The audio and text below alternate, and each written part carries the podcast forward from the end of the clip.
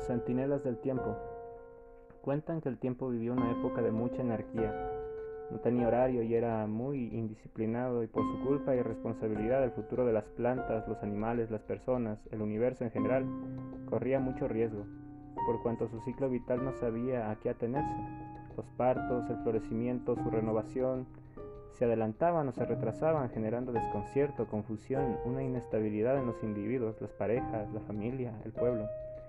Esta situación puso al borde de la locura a los habitantes de los cinco suyos, incluso al mismo tiempo que empezó a sentir histeria, aburrimiento de sí mismo, desesperación. Se sintió impotente y empezó a tener fuertes trastornos en su pecho, por lo que convocaron a los Yachak de Chincha y Anti suyo. Los Yachak lo sometieron a una limpia, una curación física y espiritual, y le dijeron que era necesario poner orden, disciplina para que reinara la armonía y la seguridad de la vida, y que para ello era necesario iniciar a los custodios del tiempo.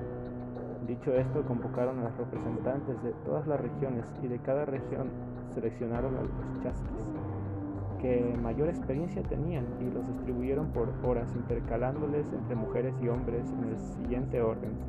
Pancay, Nahua, Apascawa, Yurinaya, Atawa, Yaguama, Auni, Guanaini, Shiwi, Tamay, Iriwari, Shuyushin, Kiraraya, Kaiwa, Iwak, Tawara, Anawa, Kamaiki, Kuni, Asaya, Uyungu, Tawani, Wanki, Apaiki. Así hombres y mujeres fueron consagrados por los Yachak para que mantuvieran el orden y la armonía del tiempo.